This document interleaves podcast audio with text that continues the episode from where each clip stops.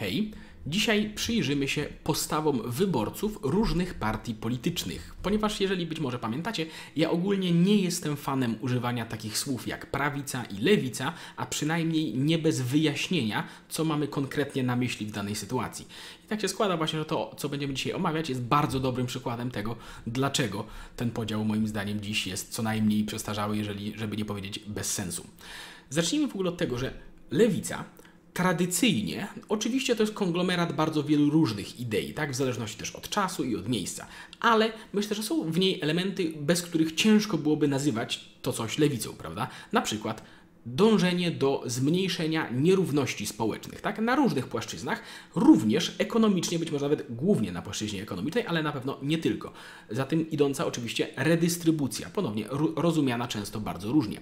Troska o biednych, albo nawet szerzej o ludzi, którzy po prostu słabo sobie radzą w obecnym systemie. Kolejno, interwencja w wolny rynek, tak, który w kapitalizmie, y, jeżeli nie jest regulowany, taka jest idea, to produkuje zbyt duże nierówności, więc trzeba go regulować i interwencjonizm stosować. Tak? Czyli właśnie nie tylko regulowanie go, ale też wiara w skuteczność tego, możliwości tej regulacji. I oczywiście to jest nie tylko to jest, y, jest lewicowe, prawda? Ale wydaje mi się, że poprzez historię tego typu elementy zawsze były nieodłącznym, nieodłączną częścią lewicy, z których bardzo często wywodziły się inne elementy, prawda? Ponieważ nawet ruchy jakieś rewolucyjne, prawda, zazwyczaj wychodziły z takiego założenia, że no, zmieńmy system nie dlatego, że no, zmienimy system, bo będzie bardzo fajnie, tylko zmieńmy system, bo w obecnym ci ludzie, którzy mają w nim najgorzej, zazwyczaj ekonomicznie, tym ludziom idzie tak źle, że równie dobrze mogą zaryzykować wywróceniem tego wszystkiego do góry nogami. I jasne były przypadki, gdy za tymi hasłami szły przerażające niejednokrotnie rzeczy, ale przynajmniej teoretycznie taka była idea za, za ruchami lewicowymi. I ja wiem, że w tym momencie teraz się uruchomią w komentarzach niektórzy ludzie, którzy stwierdzą, że nie, nie, nie, nie, że taka prawdziwa idea za ruchami lewicowymi to jest, nie wiem, zniszczenie kultury czy cokolwiek tam jeszcze, że, oni, że ci ludzie mają od razu złe intencje na pewno. I to jest zupełnie osobny temat i nie, i, i, i szczerze mówiąc, z perspektywy tego, co tutaj rozmawiamy, nawet jeżeli tak uważasz, znaczy ja się z tym nie zgadzam, ale nawet jeżeli ktoś tak uważa, to nie ma żadnego znaczenia, ponieważ my tu omawiamy to, y, co było ważne dla ludzi, którzy popierali te ruchy. Tak? Czyli nawet jeśli ktoś tam miał gdzieś złe intencje, a wiadomo, że ktoś tam gdzieś mógł i zawsze się znajdą ludzie ze złymi intencjami, to dla ludzi, którzy popierali te ruchy, te idee, które teraz opisaliśmy, były ważne i to ich motywowało do działania. I mając to na uwadze, możemy się przyjrzeć wynikom zaprezentowanym przez badanie z ogólnopolskiego panelu badawczego Ariadna. Jeszcze zanim przejdziemy do sedna, to taka mała ciekawostka. Y, to jest też taka bardzo fajny fragment, jak się ludziom wydaje, ile zarabiają członkowie klasy średniej. Tak? I to możemy przeczytać, że wśród osób, które zaliczyły same siebie do klasy średniej, najwięcej uważa, że klasa średnia zarabia między 4 a 6 tysięcy złotych miesięcznie na rękę. Ale już wśród osób, które nie zaliczyły się do tej klasy, przeważają odpowiedzi, że klasa średnia zarabia więcej, bo między 6 a 8 tysięcy złotych na rękę. To tylko taka ciekawostka. A przechodząc dalej, to tak jak mówiliśmy, całe szczęście, że tak powiem, z mojej prywatnej perspektywy, większość Polaków, czyli 65%, uważa, że państwo powinno dążyć do takiego rozwoju gospodarki, żeby ludzie bogacili się dzięki swojej pracy choć oczywiście tych osób jest najmniej wśród wyborców PiSu. Natomiast wśród wyborców lewicy jest mniej, jest zasadniczo tyle samo tych osób, około, około 80%, co wśród wyborców KO i u Hołowni. Natomiast osób uważających, że państwo powinno dążyć do takiego rozwoju gospodarki, by wszyscy zarabiali na podobnym poziomie, Takich osób wśród wyborców PiSu, jak tu widzimy na wykresie, jest prawie dwa razy więcej niż wśród wyborców lewicy. Tu jest 18, tu jest 34%. Prawie dwa razy więcej. Kolejno, na pytanie, co zrobią polscy przedsiębiorcy, gdy wzrosną ich obciążenia podatkowo-składkowe, co zostało niedawno zapowiedziane przez rząd Zjednoczonej Prawicy w ramach Polskiego Ładu, zdecydowana większość, czyli 75%, uważa, poprawnie, że przedsiębiorcy będą unikać płacenia wyższych obciążeń albo będą sobie odbijać straty kosztem konsumentów.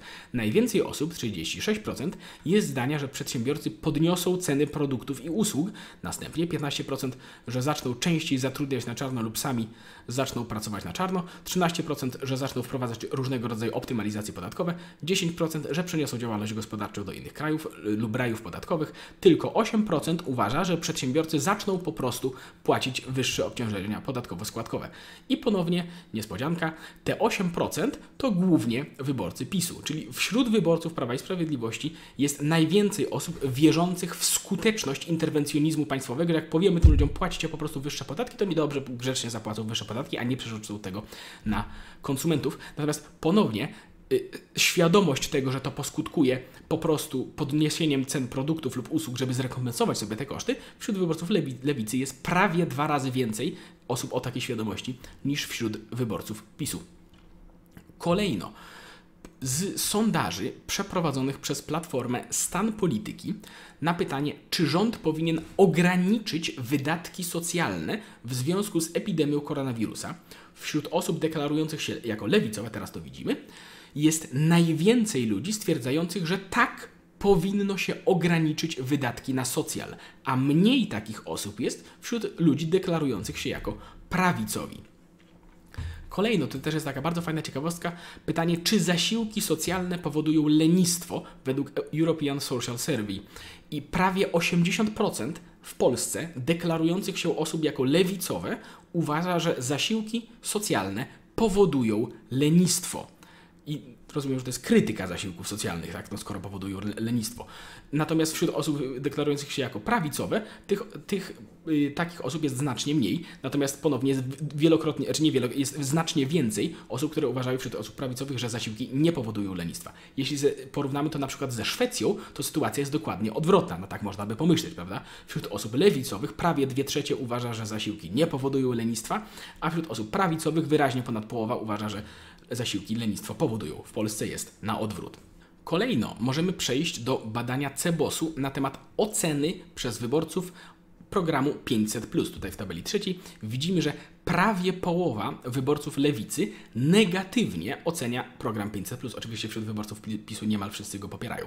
A program 500 to jest oczywiście niedokładnie, ale to jest taki quasi dochód gwarantowany, prawda? To jest najbliższe, co mamy temu w Polsce. Tymczasem wyborcy lewicy oceniają go gorzej niż robią to na przykład wyborcy Hołowni czy wyborcy KO. To znaczy wyborcy, tylko wyborcy Konfederacji są bardziej krytyczni wobec programu 500 plus, plus niż lewica, tak? Że to jest prawie połowa yy, nie popiera go. Jest przeciwna. I oczywiście można pomyśleć, że wyborcy lewicy nie popierają go tylko dlatego, że PiS go wprowadził, prawda? No, ale to by znaczyło, że właśnie nie mają poglądów ekonomicznych, które historycznie zawsze kojarzyły się jako lewicowe, tylko są po prostu z definicji przeciwni temu, co kojarzy się z PiSem. Co oczywiście prze przenosi nas do powodów popierania partii politycznych. To jest inne badanie Cebosu, do tego wszystkiego oczywiście będą linki yy, pod spodem.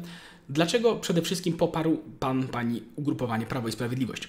Dobrze rządzą, poprawili sytuację gospodarczą, ich zdaniem oczywiście dobry gospodarz, nie ma bezrobocia, najniższa płaca choroba. Dbają o, drugi, drugi powód to jest dbają o dobro wszystkich ludzi, dobro narodu. Dużo ludziom pomogli, coś robią dla ludzi, pomagają biedniejszemu społeczeństwu, także szacunek do ludzi. Tutaj dalej dbają o dzieci lub młodych, 500+, dbają o starszych emerytów, emerytów rencistów, podwyżki emerytur, obniżenie wieku emerytalnego itd. Tak Czyli ponownie tutaj, jak się spojrzy, głównie są to socjalne powody, tak? Znaczy z perspektywy socjalnej, programów socjalnych, PiS realizuje preferencje swoich wyborców. Tutaj jeszcze zanim przejdziemy do lewicy, możemy sobie tak na szybciutko zerknąć na KO. Oczywiście prawie jedna czwarta najczęstszy powód popierania koalicji obywatelskiej to jest antypis, tak? Nie są PiSem. To tak tylko drobny, drobny komentarz. Natomiast wśród lewicy Dlaczego popierasz lewicę?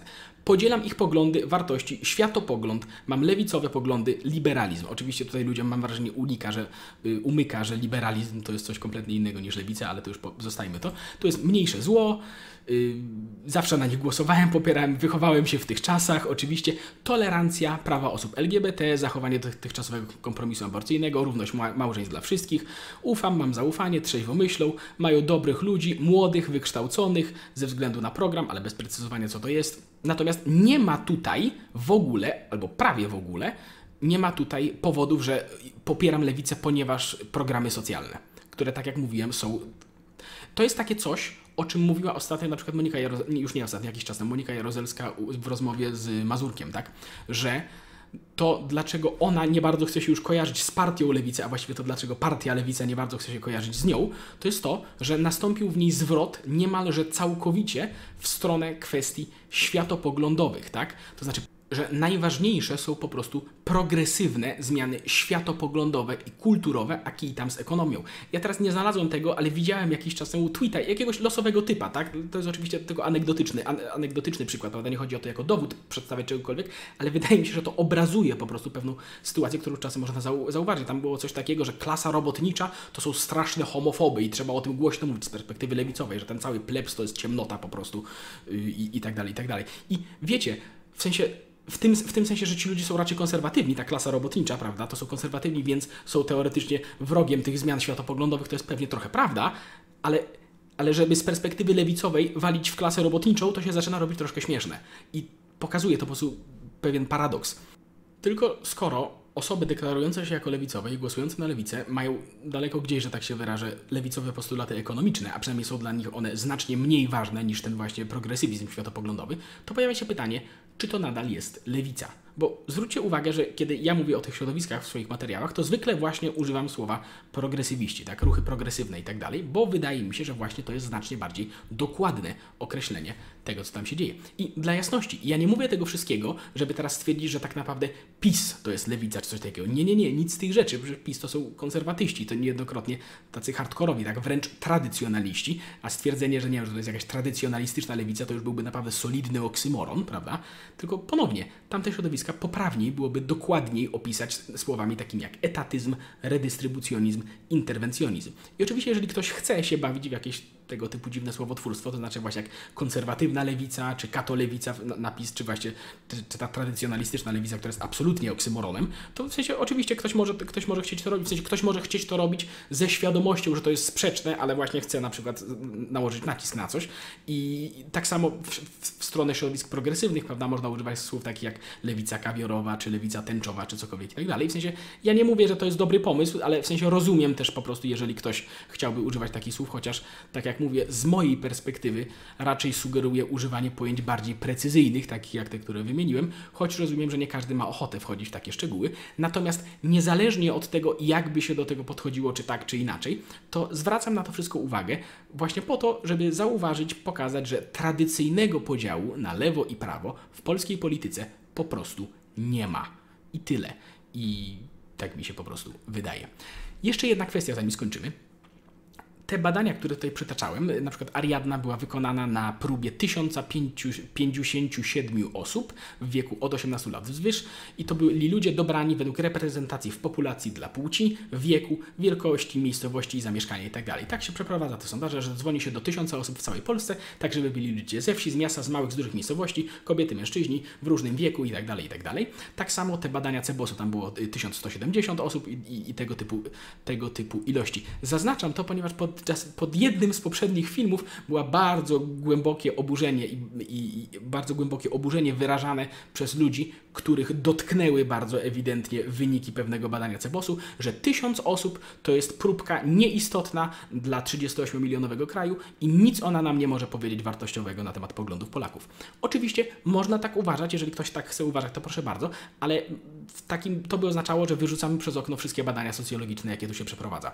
Znaczy, sorry, ale dokładnie na takich próbach się przeprowadza badania socjologiczne w Polsce i nie tylko w Polsce, na Zachodzie dokładnie tak samo, tak? Na przykład ty, około tysiąca albo więcej. Tam, gdzie w tym poprzednim odcinku to były trzy tysiące akurat osób że to jest kilka tysięcy osób na reprezentatywnej grupie, czyli właśnie wylosowanej tak, żeby były z różnych y, przedziałów i wiekowych, i demograficznych, i zamieszkania itd. Tak itd. Tak I ponownie, jeżeli ktoś chce wyrzucać wszystkie badania socjologiczne przez okno, to nikomu tego nie zabraniam, ale zastanówmy się, czy to jest dobry pomysł. A jeżeli ktoś by nie chciał, to nawet jeżeli się tego typu wyniki badań ludziom nie podobają, to oczywiście, że one nie są super dokładne, to jest szacowanie, tak? To są badania statystyczne, to nie jest precyzyjnie, wiesz, do, doprecyzowane, jak dokładnie to wszystko wygląda, ale da, daje to pewien ogólny pogląd na tego typu problemy. No i to tyle. Gorąco zachęcam, żebyście sami też skomentowali, co, jak widzicie te sprawy z Waszej strony, tak? Czy, czy się zgadzacie z tym, co zaprezentowałem tutaj, czy nie. No i raz jeszcze to tyle. Do usłyszenia. Hej. Jeśli chcesz być informowany o kolejnych odcinkach, to kliknij dzwoneczek powiadomienia, żeby żadnego nie przegapić. A jeśli chciałbyś pomóc w tworzeniu takich filmów, to zapraszam do wsparcia nas na Patronajcie. Do usłyszenia.